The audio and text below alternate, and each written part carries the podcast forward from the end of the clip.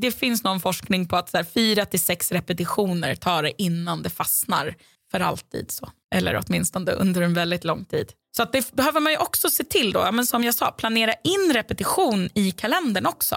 Så att man inte glömmer bort det.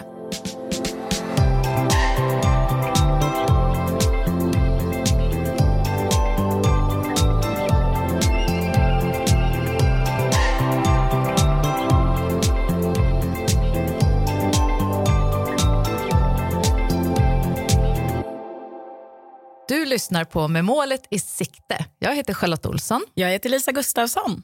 Och varmt välkommen tillbaka till en ny säsong av eh, Iris podcast. Och nu är det nytt år och kanske är det så att du har funderingar på att börja plugga i år. Ja, jag vet många som liksom tänker att man vill, jag, jag till exempel, men så var det kanske så länge sedan. Om man är lite osäker på om man liksom fortfarande fortfarande eller någonsin har haft det. Att om man så kan jag ens plugga? Kommer jag komma ihåg någonting? Kan jag få in ny information? Ja, för det det är är inte säkert att man, att man kan det. Ja, det är konstigt, för jag Mm. försöker byta ut. Jag kan så gamla tyska låtar från, eh, från nian och åttan. De Ja. sitter, ser man, heter den. Eh, men så försöker, eller gamla telefonnummer. Ja. Men så försöker jag lära mig någonting nytt i någon spännande bok. Det är svårare. Mm. Men eh, du har ju faktiskt en hel del studieteknikstips Ja, men det har jag dela med dig. verkligen. Mm. Jag har föreläst en hel del om det här på, på sistone. Så att, eh, jag ska försöka att lära er allt jag kan. Och de här tipsen det går ju att applicera på arbetsuppgifter. Säg att du har ett nytt jobb och du Mm. är lite orolig kanske för så här, "Åh, kommer jag lära mig de här nya arbetsrutinerna. Då Mm. kan man ju applicera den här, ja, den här minnestekniken och sådana saker på, på det också. Ja, men precis.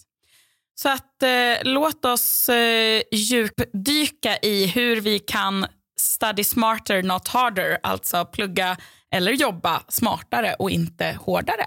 Men eh, Lisa, om vi börjar bara så här, varför ska man använda studieteknik? Liksom? Och vad är studieteknik? Ja, vad är det egentligen? Alltså, ehm, så här, eh, det finns en, en lärare som har gjort filmerna som heter Pluggkoden för Utbildningsradion. Han heter Martin Fernström. Eh, och Han säger så här att många tror att talang och begåvning är avgörande för hur bra betygen är eller hur bra det går i skolan eller när man pluggar. Men det är inte sant därför att det som är avgörande är hur du använder din tid. Alltså om du har någon form av strategi och struktur när du pluggar eller liksom ska lära dig nya saker. Det är också avgörande vilken inställning du har till dina studier. Om du går in med inställningen att det här kommer jag aldrig klara eller det här ska bli superkul. Eh, och kanske viktigast av allt, ja, vilka strategier du använder dig av för att komma igång och komma ihåg det som du ska lära dig. Ja, så det är verkligen teknik Det och psykologi kanske ja, lite ja, men precis. bakom. Men framför allt, det som kanske är viktigt att, att ta med sig är att så här, strategi vinner före talang. För det är så lätt att tänka tillbaka på hur det var i grundskolan om man är liksom, har ett, ett tag sen man själv gick i grundskolan. Och sen så kanske man själv fick kämpa jättehårt för att komma ihåg någonting medan så hade man några i klassen som bara liksom tittade i boken och hade fotografiskt minne och var, liksom, mindes allt. Och de har ju uppenbart talang för att minnas och för att plugga men det är inte det som, som det hänger på. Så det kan väl vara bra att, att uh, ha med sig. En annan sak som är bra att ha med sig är ju att vad man än ska börja med för rutin, eh, det har vi varit inne på många eh, andra avsnitt, vanor och rutiner, det tar sin lilla tid att det sätter Mm. sig. Man ska hålla ut i början då helt enkelt. Exakt. Man brukar väl säga att det, är, det tar 21 dagar att, att sätta en vana. Eh, så att även om man då tycker liksom i början att ja, men jag försöker med alla de här strategierna men det går inte. Nej, men håll ut. För rätt vad det är så kommer det här. Trilla polletten ner. Ja, precis. Och ge inte upp. Liksom. Men om man ska börja nu då, säg att jag har en kurs som jag vet. Hur ska jag börja? Vad är det första man ska göra när man ska börja med den här, eh, när man ska börja plugga helt enkelt? Ja, alltså det absolut viktigaste är ju att göra någon form av studieplanering. Eh, och eh, ju mer man vet om kursens innehåll, desto lättare är ju det såklart. Eh, Eh, många gånger så har man ju eh, någon form av eh, studieplan från skolan där det står liksom vilka, vilka kurser är det man ska läsa. Det går att få ut någon form av litteraturlista. Eh, det brukar man ju få innan så att man har möjlighet att köpa böcker och så. Och att då eh, så fort som möjligt eh, göra en plan för varje vecka egentligen. Och se att okej, okay, jag vet att den här kursen ska vara avslutad då.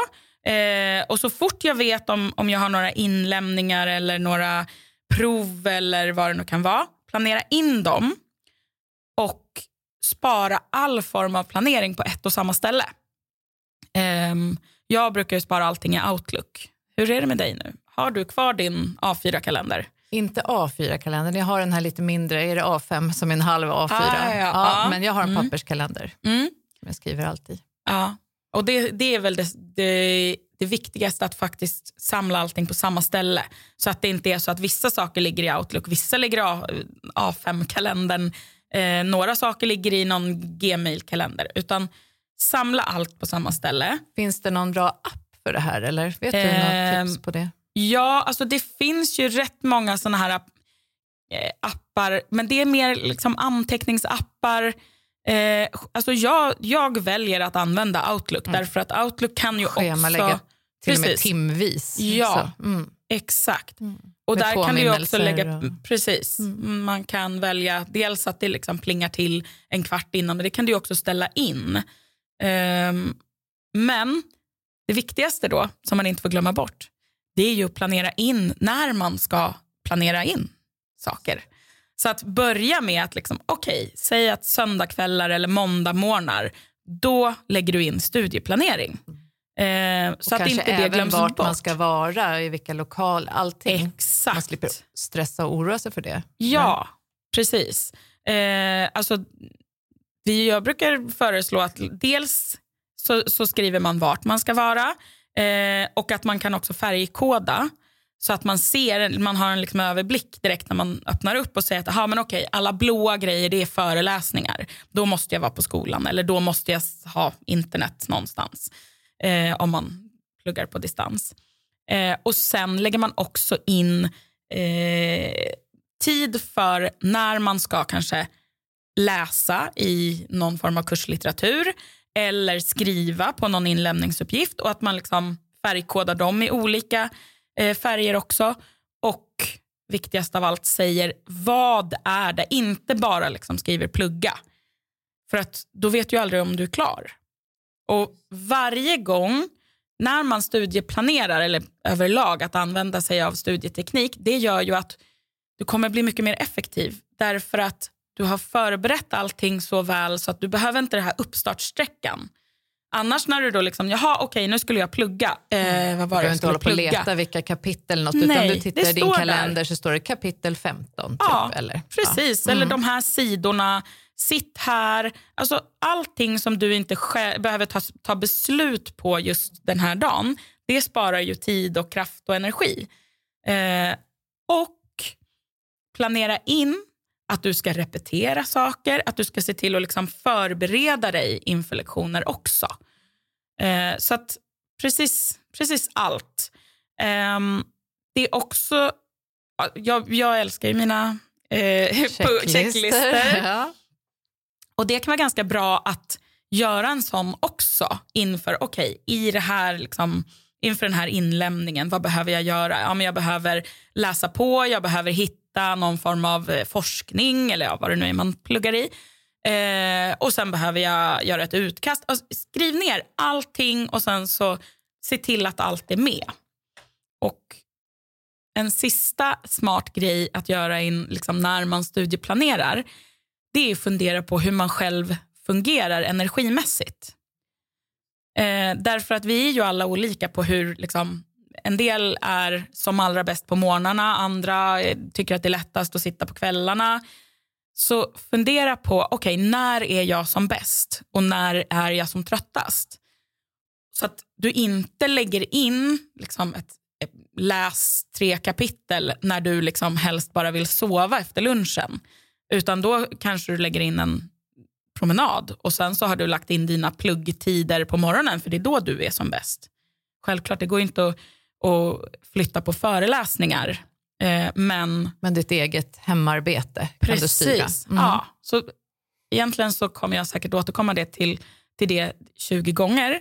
Men det viktiga är ju att själv ta reda på hur funkar jag i alla, liksom, alla de här sammanhangen. När jag ska lära mig, när jag ska ta tag i nya uppgifter eller när jag ska plugga någonting. Hur lär jag mig? Hur kommer jag ihåg saker?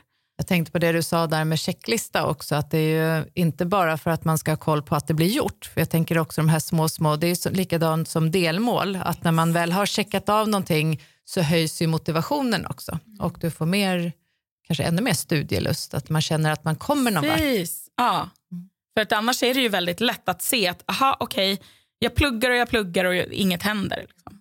Men att göra de här, att oh, nu har jag gjort en inledning, oh, nu har det här hänt. Eh, man, man tar små liksom, myrsteg eh, på vägen i alla fall. Så att, ja. Det var jättebra tips. Sen är det en annan viktig sak när man pluggar som i alla fall jag kan ha svårt för, speciellt om jag kanske är trött eller om jag eh, ska läsa någonting som inte intresserar mig så här till 100 procent. Det är ju att hålla fokus. Har du något tips för hur det kan bli lite lättare? Ja, alltså framför allt att göra en sak i taget. Jag, det, jag är värdelös på det eh, för att jag sådär har åh, det har kommit mejl, åh, där händer det här, oj. Men att stänga av aviseringarna, ställa telefonen på stör ej, att, att liksom ge sig själv de bästa förutsättningarna till att börja med. Eh, och bestämma sig för att okej, okay, nu är det det här jag ska göra. Jag ska, göra, jag ska skriva introduktionen till mitt, ja, vad det nu kan vara.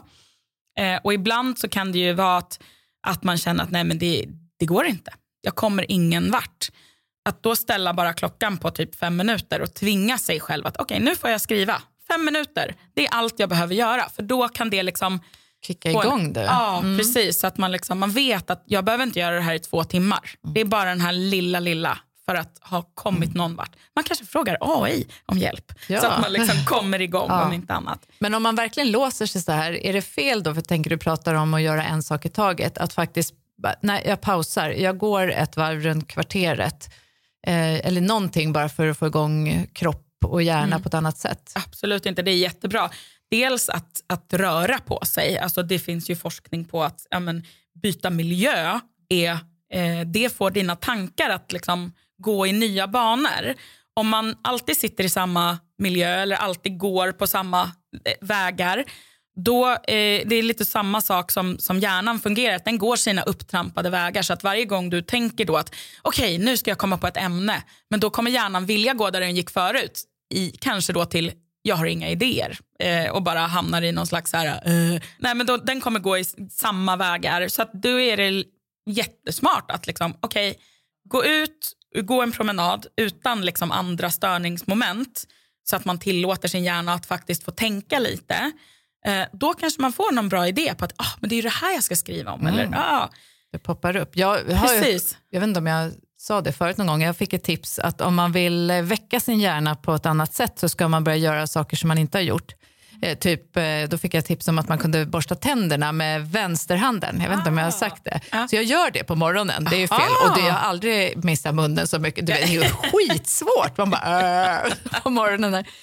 Men eh, det jag vet inte, jag Nej, men alltså, om jag har känt några resultat än. Sätt dig någon annanstans på bussen, gå en annan väg till jobbet. Alltså, att bara göra saker på ett nytt sätt, det gör att hjärnan liksom, aha, Gå ett annat varv nu. på Willys, fast ja. då blir jag ju så förvirrad Nej, så det går inte. Nej, Nej, då kommer det ta för lång tid. Ja. Men också, alltså, om man tänker att man sitter, alltså, antingen och jobbar, men om man ska sätta sig och plugga, att man faktiskt vågar byta miljö ibland. Man kanske inte alltid måste sitta hemma eh, vid sitt skrivbord eller i sin säng eller var man nu pluggar. Utan att man kanske faktiskt kan gå och sätta sig i en hotellobby, på biblioteket. Eh, jag brukar ju tycka att det är lättast att hitta fokus på Centralen, vilket är Oj. jättekonstigt. Ja, men det är för att när det är tillräckligt stökigt runt omkring mig, då slutar jag lyssna på allt runt omkring. Det blir bara som ett surr? Ja, eller? exakt. Ja. För är jag liksom någonstans där jag kan höra urskilja röster, då sitter jag ju och liksom tjuvlyssnar och så här, oh,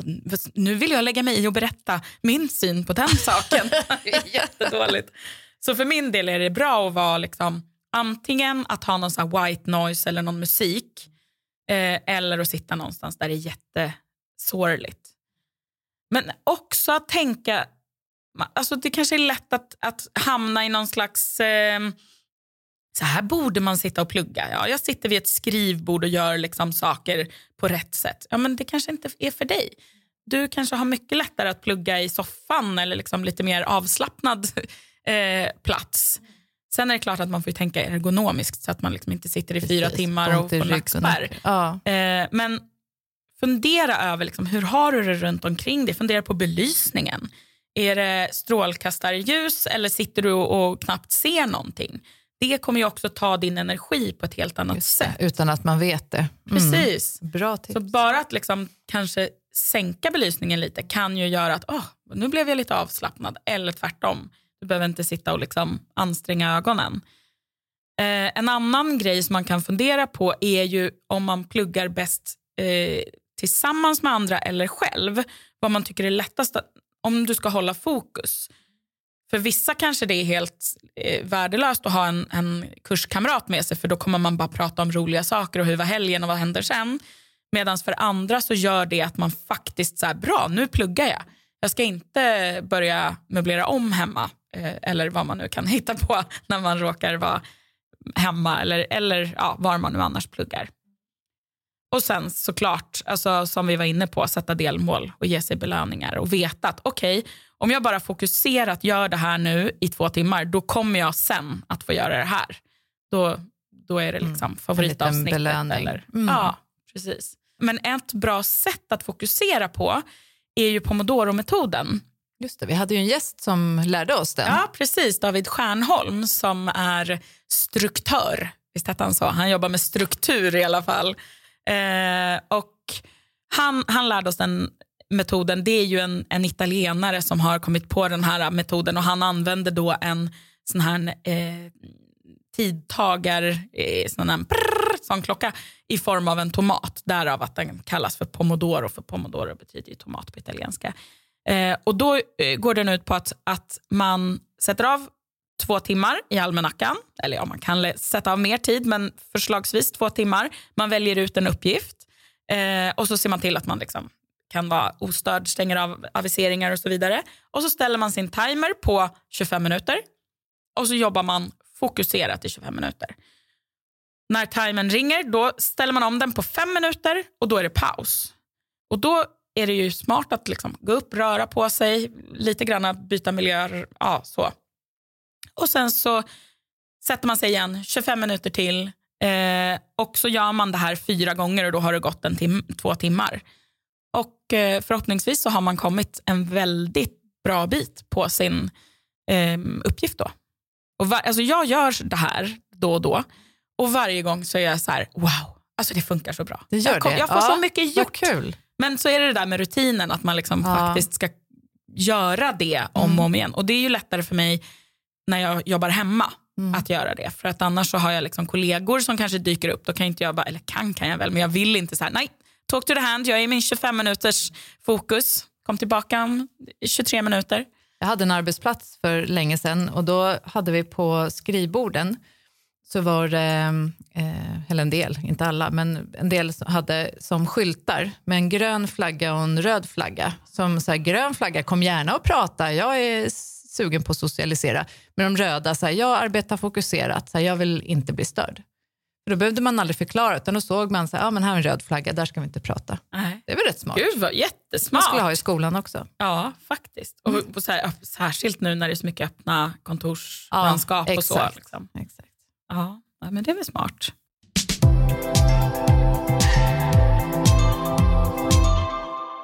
När jag tänker på att man ska börja studera igen, då poppar det direkt upp i min hjärna så att hjälp, det är massor med kurslitteratur som jag ska försöka få i, få i mig. Få i mig igen. ja. Precis. Hur, eh, hur gör jag det bäst? Hur vet jag att jag plockar ut det viktigaste och hur får jag in all den här informationen? Ja, alltså jag håller med. Jag tänker ju också alltid så här, att läsa för mig har alltid betytt att läsa från perm till perm. Eh, möjligtvis eh, när jag gick, på, på liksom, gick i grundskolan så var det så där att Aha, nu ska vi läsa i, i NO-boken till exempel. Så var det så här, ja nu ska vi läsa om det här. Och Då fick man bara läsa det kapitlet, inget annat. Det var nästan fusk att titta liksom före eller efter i boken. Eh, och Det är ju lite granna taskigt att inte vi har fått lära oss hur man läser kurslitteratur på bästa sätt. För att det finns ju eh, en, ett väldigt smart sätt för att liksom kunna ta det till sig på ett enklare sätt. Och Då kan man tänka att, att om, om vi har en, en, bok eller ett kapitel eller någonting eh, så kan man dela in det i tre delar. Det första är översiktsläsning. Man ska liksom bara skumma igenom. Det andra är att man ska söka typ och rubrikerna, vad är skumma igenom då? Hur, eh, ja, vad innebär det? Eh, det innebär att, att man får en överblick, att man bara tittar igenom eh, alltså, eh, till exempel rubriker. Man läser innehållsförteckningen. Typ, ja, precis. Mm. Eh, och det, man kan dela den översiktsläsningen i två delar. Det första är att man verkligen bara gör en supersnabb. Den får, den, alltså, är det en stor tjock bok så, så tar det liksom max tio minuter.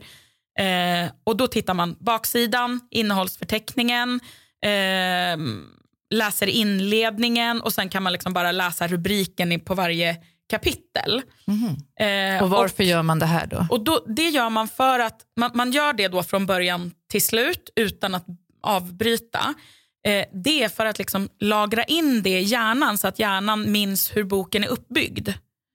Eh, så att den kan säga, aha just ja, det där stod efter. Den, den liksom gör någon slags grundmall av boken. Och Sen gör man en lite fördjupad översiktsläsning lite senare, kanske nästa dag.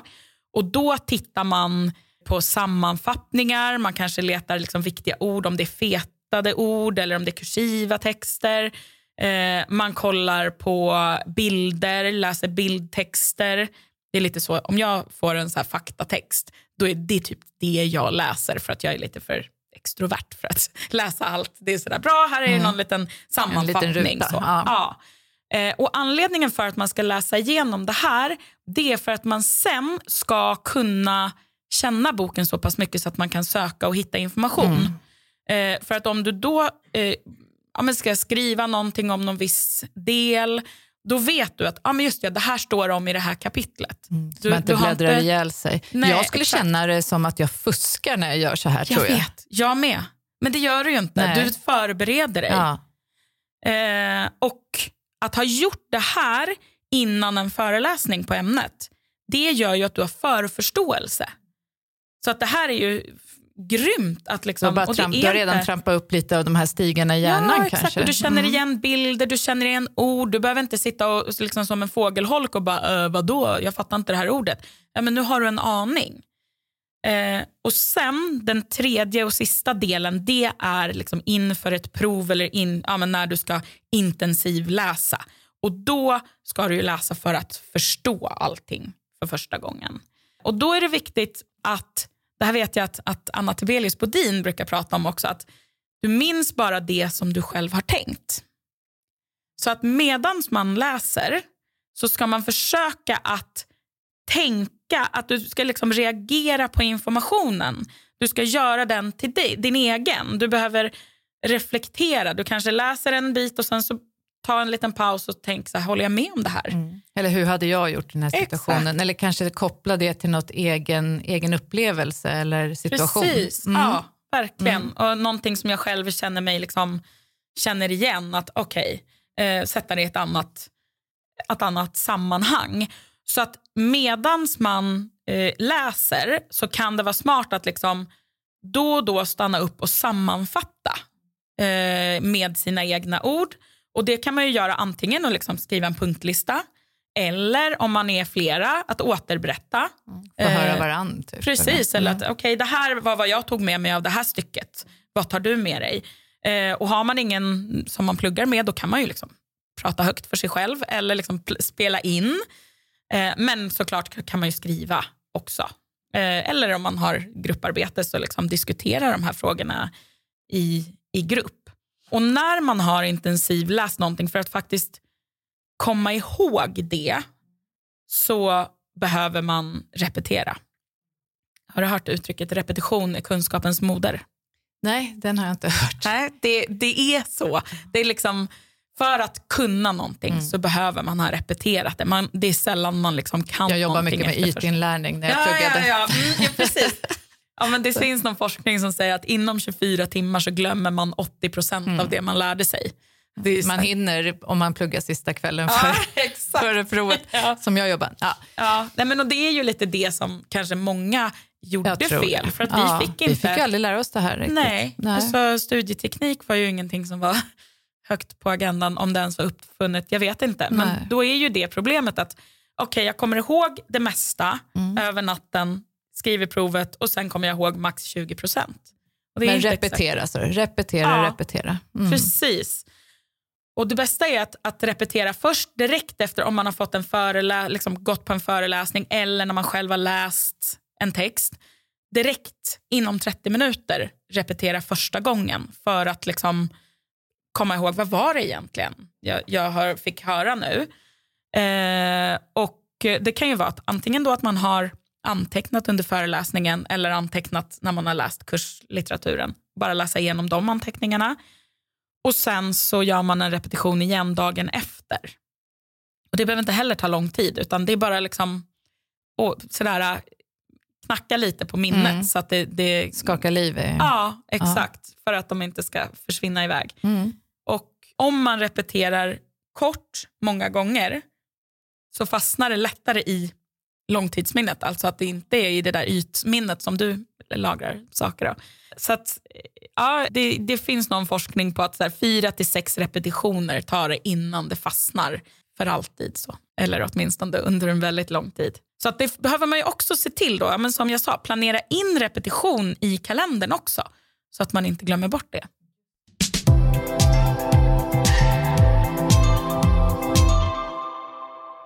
När jag sitter under en föreläsning, som jag tycker om att anteckna mycket, ja. och hur, för att inte bara klottra ner hela föreläsningen, ja. finns det något tips på hur man antecknar bäst? Absolut. Alltså det, där är det ju igen att man behöver liksom ta reda på vad som funkar för dig. Det, det absolut bästa, som jag var inne på, för att ha skaffat sig lite förförståelse, att ha tittat igenom, kanske liksom, ska man gå på en föreläsning, läs på lite grann. Vad kommer den här personen prata om? Eh, eller om det finns någon form av kursbok. Eh, liksom, typ, eller skanna igenom. Eller ja, precis. Mm. Bläddra igenom dem, då har man hört allting. Eller liksom, ja, man har en aning om orden.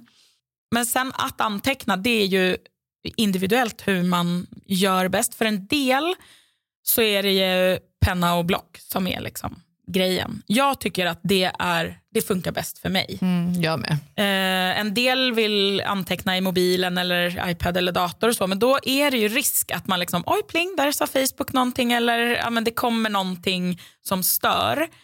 Eh, sen finns det en himla massa olika anteckningsappar. Evernote, ja det finns massa olika som man kan välja. För en del så är det ju jättesvårt att koncentrera sig att lyssna på vad föreläsaren säger och samtidigt skriva ner eller liksom anteckna.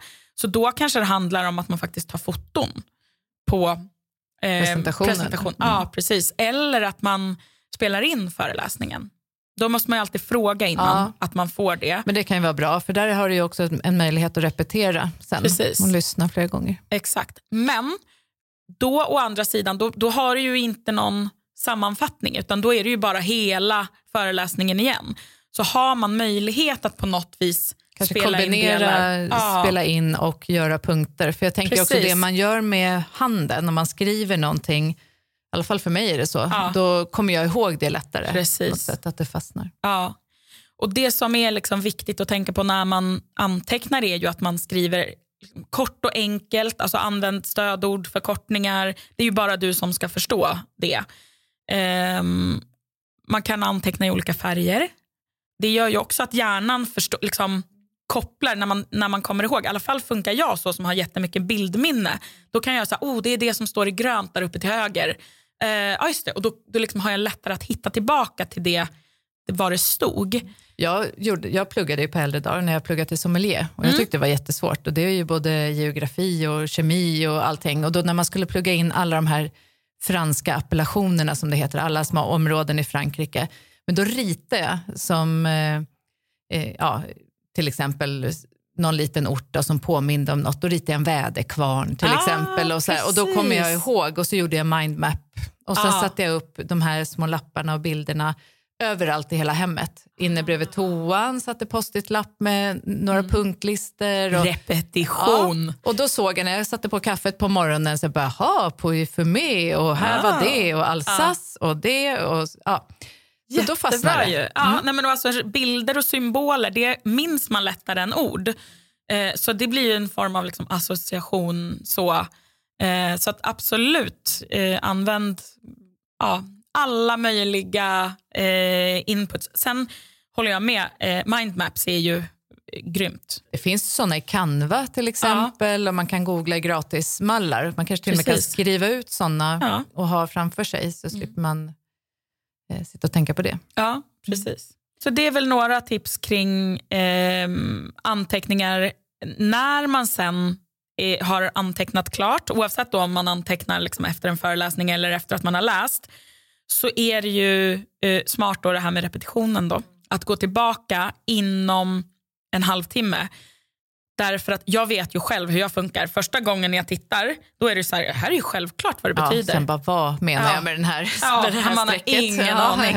Och då, då kan det vara smart att liksom, när man inte har lika mycket tidspress, därför att under själva föreläsningen så blir det ju en form av tidspress för att plötsligt har föreläsaren kommit in på ett annat ämne. Ha, halva meningar och det. Men att ja. man kanske utvecklar det lite då med Precis. fler stödord. Ja. Mm. Så att det kan vara smart att antingen att man, man har liksom som ett uppslag där man har gjort grundanteckningarna på ena sidan och sen kan man liksom utveckla på andra sidan. Alternativt att man skriver, liksom antecknar lite luftigt så att man kan trycka in mer information och förtydliganden. och så här, den där förkortningen som jag tyckte var självklar nu, den kommer jag kanske inte komma ihåg. Ja, då skriver jag ut vad jag menade. Um, så att ja, komplettera inom 30 minuter. Men nu då, om, om jag nu vill komma ihåg det här som jag har läst då längre än en kvart, mm. hur, hur gör jag då? Ja, alltså minnet är, minnesprocessen består av, av tre delar. Det första är inkodning, det är ju liksom när man samlar in informationen i hjärnan. Eh, sen eh, lagrar man informationen eh, och sist så är det framplockning. Man kan lite tänka som en så gammaldags kartotek eh, där det är som en A till B liksom en, en, och sen så lägger man ner massa information i den. Sen bläddrar man fram. Exakt. Mm. Och i de här gammaldagsa eh, kartoteken då är ju allting på, i bokstavsordning. Och skulle det då inte vara det, då skulle det vara helt omöjligt att hitta tillbaka till just det här minnet. Eh, och det är ju just själva framplockningen. Det är där det avgörs om man har ett bra eller dåligt minne. Eh, för att ganska ofta så kan man ju känna att så här, jag vet det här. Du sa det här till mig igår men jag har glömt det. Eller så är det någon som kommer ihåg precis allt, alltid. Och då har de ett bättre liksom, framplockning av minnet. Och vi har ju också två typer av minnen. Vi har varit lite inne på det. Du, sa ytminnet, det kallas väl också arbetsminnet. Eh, och långtidsminnet. Och långtidsminnet är ju det som gör att man liksom minns ja, för alltid vore väl lite överdrivet att säga. Som de här tyska men, visorna och telefonnumren ja, som jag har i mitt för alltid ditt, minne. I långtidsminnet. ja. eh, men i, i arbetsminnet, eh, där kan man bara komma ihåg sju saker samtidigt. Och för att komma ihåg det så måste man liksom tänka på dem aktivt. Så att det här som du kommer ihåg över natten, det ligger ju inte i, i arbetsminnet utan det är ju snarare att, att du har det ganska liksom färskt men inom det, det, där är det snarare de här 24 timmarna där det liksom försvinner 80 procent. De här sju sakerna som man kan hålla i, i arbetsminnet samtidigt eh, handla, det handlar ju om att okay, jag måste tänka. Jag kan, jag kan komma ihåg ett telefonnummer till exempel. Eh, och Jag måste tänka på det. För att så fort jag börjar tänka på någonting annat för att jag blir störd, nej, då är det borta. Um, och här är det faktiskt så att om man överbelastar sitt minne och försöker, liksom, man, man ska ha så himla mycket i huvudet samtidigt, då kan minnet bli helt överbelastat och man glömmer och blir förvirrad istället. Det är lite så jag känner ibland. Ja, ja precis. Eh, och Det kan ju också vara så, alltså jag menar, minnessvårigheter kan ju bero mm. på stress. stress. Ja, Ja, men det kan ju också vara någon sjukdom såklart. Mm. Eller att man har en funktionsnedsättning. Mm. Till exempel så är det ju ofta att man har både personer med ADHD och dyslexi har ett väldigt dåligt arbetsminne. Att de har jätte, jättesvårt. Eller jag har hört eh, uttrycket teflonminne, att det bara liksom rinner av. Ja, Att det är nästan ja. omöjligt att Mm. komma ihåg saker Mm. lite längre. Så att eh, det som vi vill, det är ju att öva upp sätt att dels samla saker i vårt långtidsminne, men också få möjlighet att plocka fram minnena när vi behöver dem. Och då finns det ju lite olika strategier man kan använda sig av. Dels det som du gjorde, ja, repetition, det har vi pratat om länge. Eh, så det, det var ju en sak, dina post-it-lappar. Men också associationer och att visualisera. Ja. Att man gör minneskrokar. typ. Exakt. Att, att liksom så här, ha, hur ska jag komma ihåg den här grejen? Ja, men jag gör en bild av det. Eller att jag associerar det till någonting annat som jag liksom minns. Ska jag komma ihåg någons namn så varje gång jag ser den här personen kommer jag att tänka på någon annan som har samma namn. Då är det liksom ett sätt att, att eh, associera. Ehm, också att eh, göra, liksom, lite använda humor och saker som avviker när man ska associera. Det gör det ännu lättare. Jag vet att Eva-Lena, vår kollega, eh, hon had, har ett exempel när hon ska komma ihåg Appalacherna som är en långbergskedja. Då tänker hon på en apa som har galoscher på sig som sitter och hoppar uppe på ett berg. Och Då tänker hon liksom apa, galosch, just ja, Appalacherna. Ja. Och så ser hon framför sig att den här apan sitter Mm. på ett berg. Och Sen kan det funka med akronymer, alltså att man skapar nya ord. Typ ett ord som börjar på första bokstäverna. Exakt. Ett Ja. eh, exempel. Sverige styrs av fyra lagar. Successionsordningen, S. Eh, tryckfrihetsförordningen, T. Yttrandefrihetsgrundlagen, Y.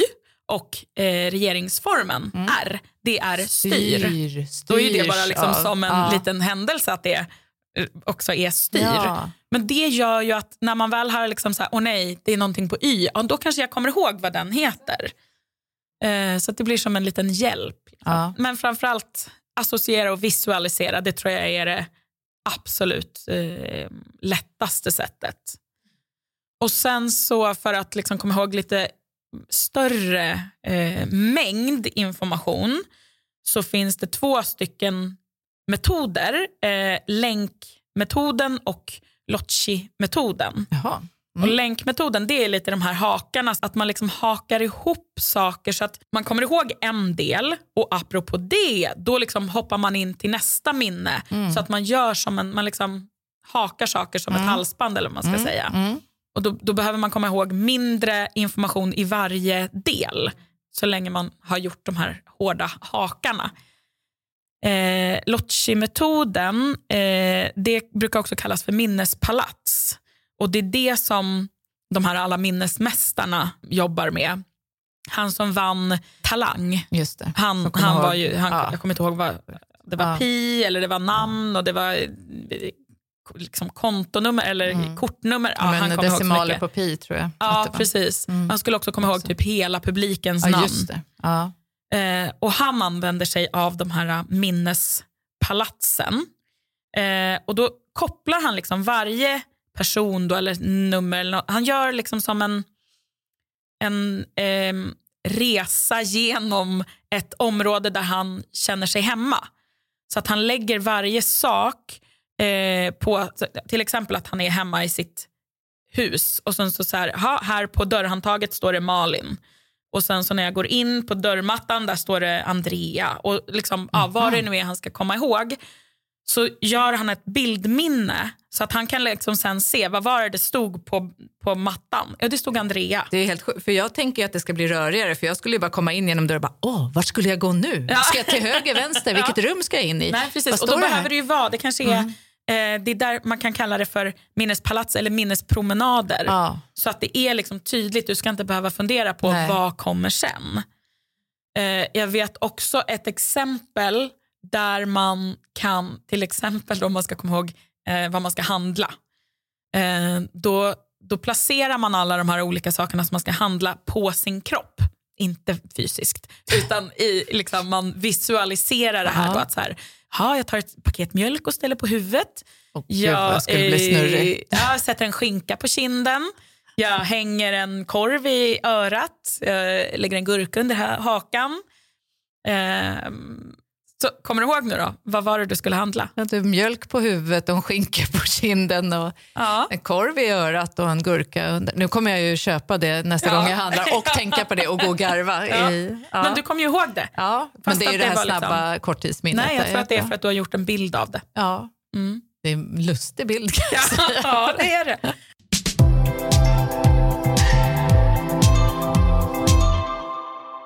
Men många utbildningar är ju på distans så att man kanske går på föreläsningar och sen så ska man plugga resten hemma. Eh, vilka utmaningar och vilka fördelar kan du se med att faktiskt plugga på distans? Om vi börjar med utmaningarna. Ja, alltså jag tänker att utmaningarna och fördelarna ibland går hand i hand. Eh, därför att en av, om, om jag får börja med fördelarna så är ju det att man kan faktiskt plugga var man vill. Eh, man måste inte vara, eh, åka någonstans, man sparar tid för att liksom behöver inte ta sig till, till skolan. Man kan plugga eh, lite kanske när man vill också, för det är bara vissa få föreläsningar och resten är upp till mm. mig att... Lägga upp liksom, det lite efter ja. energinivå som vi var inne på. där. Ja, men precis. Mm. Och Det kanske det är ofta liksom inspelade föreläsningar som man kan ta igen efteråt. Och då är väl en vanlig fallgrop, eller vad man ska säga, en vanlig problem att man kanske tänker att man, men jag kan jobba och plugga samtidigt. Det är lugnt, för att jag kan ju göra det här på kvällar och helger. Och liksom sådär. Men att det kanske tar mer än vad man tror att plugga. Så du behöver faktiskt lägga ner lite energi på det här. En risk är eh, kanske att man skjuter upp saker. Och, eller att vara. man inte har den självdisciplinen som man behöver. Ja, precis. Eller att man ja, men sådär, aha, ja, jag är sjuk men det spelar ingen roll. Jag kan ändå plugga eller jag, kan, jag vabbar alltid med tar hand om sjuka barn för att jag är ju ändå bara hemma och pluggar. Och att man liksom man värdesätter inte riktigt sina, sin tid där. Inte utan 100%. Det blir, nej, nej, exakt. Hade det varit så att jag hade åkt iväg till skolan då hade det varit självklart att oj, jag behöver vara hemma och vara sjuk. Eller okej, okay, jag kan inte ta hand om barnen idag för jag ska åka, till, mm. åka och plugga. Men nu blir det att man gör mm. lite av liksom, och Risken är väl också när man sitter hemma att eh, man ser oj vilket diskberg, oj man passar på att städa, tvätta, diska, liksom göra allt det. Och Då blir det väldigt svårt att hålla fokus på studier. Utan Då hamnar man kanske i att man måste göra allting på natten innan för att man inte har prioriterat sina studier. Um, och kanske att det, ja, men man, man är hemma och blir lätt störd för att det är liksom familjen är hemma eller, eller att man sitter dåligt till. Liksom. Man sitter i en garderob instängd. Sådär. Eh, sen finns det nog säkert de som gör tvärtom också. Att man har svårt att sluta, alltså att man avgränsar sig inte utan att man, liksom, man bara fortsätter och fortsätter och fortsätter. Och, eh, aha, okay, ja, men jag, lite mer kan jag skriva, lite bättre kan det bli. Mm. Liksom. Men då är det ju viktigt att man verkligen gör det här som du sa, att man skriver ner i sin almanacka och följer den. Ja, precis. Och En annan sån grymt uttryck som också Eva-Lena har lärt mig är GEMO. Jag tror att vi har nämnt det någon annan gång. Eh, good enough, move on. Det var när vi pratade med Fanny, Fannys förebilder, och hon sa great enough, move on, ännu bättre. Eh, och Det är väl också en sån sak som man kanske behöver vara extra noga med när man pluggar. På, ja, att man avbryter någon gång. Ja, mm. att det är så här, ja, men nu har jag gjort det jag skulle. Nu får jag, liksom, nu får jag vara nöjd och gå vidare. Um, så att, ja, uh, Den är nog ehm, lika svår som att av, eller alltså avbryta tid som att faktiskt ibland komma igång. Precis, verkligen. Ja. Och Då kan det vara smart att ha de här strategierna att okay, jag måste börja fem minuter eller jag ska bara jobba mm. 25 minuter nu med det här. Sluta. Ja, mm. precis. Och jag vet att liksom, i min studieplanering så står det det här. Eh, då, då vet jag också när jag har gjort klar, alltså jag är klar. Check på den. Ja. ja. för det är också jätteviktigt för motivationen ja, att veta. Ja. Mm. Precis. Men annars så, så det som kan hända när man pluggar på distans är väl att man liksom hamnar lite utanför. Nu finns det ganska många utbildningar som är lite flex, där vissa är på plats och vissa eh, pluggar på distans. Eh, och då kanske vissa saker som dyker upp eh, på plats i lokalen, att man blir påmind om någon inlämning eller det är någonting som ändras, eh, kanske man missar då.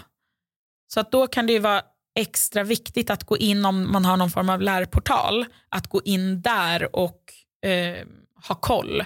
Och också att man vet vad som förväntas av en. Eh, att man är lite extra noga med det, att kanske fråga läraren att okay, men hur mycket ska jag skriva eller hur, va, vad är min del i ett grupparbete? Eh, och fråga om hjälp så att man inte sitter där hemma och liksom gör jättemycket i onödan mm. för att man aldrig frågade. Eller att, mm. ja. Det tänkte jag på när du började berätta här, att om man studerar, om man behöver hjälp, det här är ju lätt när man kan det, eller liksom man har de här strategierna. Om man kommer helt ny till en skola och så har man aldrig, eller var länge sedan man studerade, eh, har skolor generellt någon som kan stötta en lite med sån här studieteknik eller kunna tipsa om det? Eller? Jag tror att det är väldigt, väldigt olika mm. beroende på var man är någonstans. Jag vet till exempel folkhögskolor brukar vara fantastiska på liksom inkluderande undervisning. Eh, sen så har man någon form av funktionsnedsättning så, så har man ju rätt till eh, en, en, annan typ av stöd. Man kanske har rätt till anteckningsstöd eller längre tid eller ja, sådana saker. Och det brukar ju finnas, dels på universitet så brukar det finnas någon eh, särskild liksom, person som ansvarar för det här så att man kan gå dit och kanske få studietekniska hjälpmedel eller ja, lite strategier och sånt där. Finns det någon eh, webbplats där det finns eh, studieteknikstips eller studieteknik.se eller någonting sånt där? Ja, men alltså, dels så tror jag att många skolor kanske själva har någon form av sajt liksom, där det finns. På Iris har ju vi själva spelat in eh, studietekniks filmer som våra elever kan få ta del av innan de ska börja plugga. Men annars vill jag väl tipsa om Utbildningsradion, alltså UR, urplay.se. Eh, om man googlar UR och studieteknik så hamnar man eh, in på deras sida. Och där finns det väldigt mycket, dels liksom program som man kan titta på. Man kan få strategier och metoder och man kan få träna på minnet. och eh, ja, men Dels eh, pluggkoden, det som jag var lite inne på, som han Martin som sa att det hänger inte på, på talangen eh, som har, har eh, gjort. Och ja, det, finns, det finns jättemycket olika att, att leta runt på där. Hur man orkar plugga, eh, planering och koncentration. Ja, mm. Det mesta man som vi har varit inne på. kanske då lite Ja, tips. precis. Mm. Och då är ju det mestadels liksom, eh, små korta program som handlar om det. Då. Ja, men det kan ju vara bra att testa om man inte vet vad som funkar. Så småtesta runt lite och se tills man hittar sitt. Ja, precis. Sitt För det är ju, alltså så här, är det något generellt tips så, så är ju det, alltså testa. För att alla funderar på så här, när kommer jag ihåg som bäst? När, var lär jag mig och hur lär jag mig som mm. bäst? Och så får man väl, funkar det inte så får man väl testa på ett annat sätt helt precis. enkelt innan de här 21 dagarna. Att man ja, verkligen inte exakt. ger upp, att det Nej. är tufft i början. Nej, precis. Så om du skulle sammanfatta nu, om man går i studietankar, vad är det viktigaste? Ja, men det viktigaste är ju att så här, struktur går före talang. Eh, även om du inte var eh, bäst i skolan back in the days så kan du bli det eh, med rätt förutsättningar. Se till att ta reda på hur du lär dig bäst. Eh, testa, var ska du sitta? Var, var har du lättast att eh, fokusera? Eh, sätt delmål. Dela upp uppgifter och sätt delmål så att du känner att så här, shit, jag är på, på väg här. Eh, och att det faktiskt, du ser, okej okay, när, jag, när jag avslutat det här så har jag ju uppnått någonting. Eh, då har jag ju en utbildning. Så det är ju någonting som är värt att, att kämpa för. Liksom. Mm. Ja, men du nu som går i eh, studietankar, hoppas att du har fått med dig en massa härligt av eh, Lisas tips här. Ja, och du som inte går i studietankar men som faktiskt på ditt nya jobb eller eh, ditt gamla jobb eh, behöver ta in ny information. Eller oavsett, tänk att struktur det är bra grejer. Eh, planera det du ska göra så, så kommer det kanske ha större chans att faktiskt bli gjort. Och jag tänker att man kanske tycker åh vad jobbigt att sitta och lägga massa tid på och strukturera och planera och organisera. Men det har du ju faktiskt igen sen. Att du tjänar in din tid på att ha en bra struktur och mm. planering. Mm. Bra. Tack ja. för jättefina tips Lisa. Ja, men tack själv. Vi hörs igen om två veckor. Det gör vi. Hej då. Hej, hej.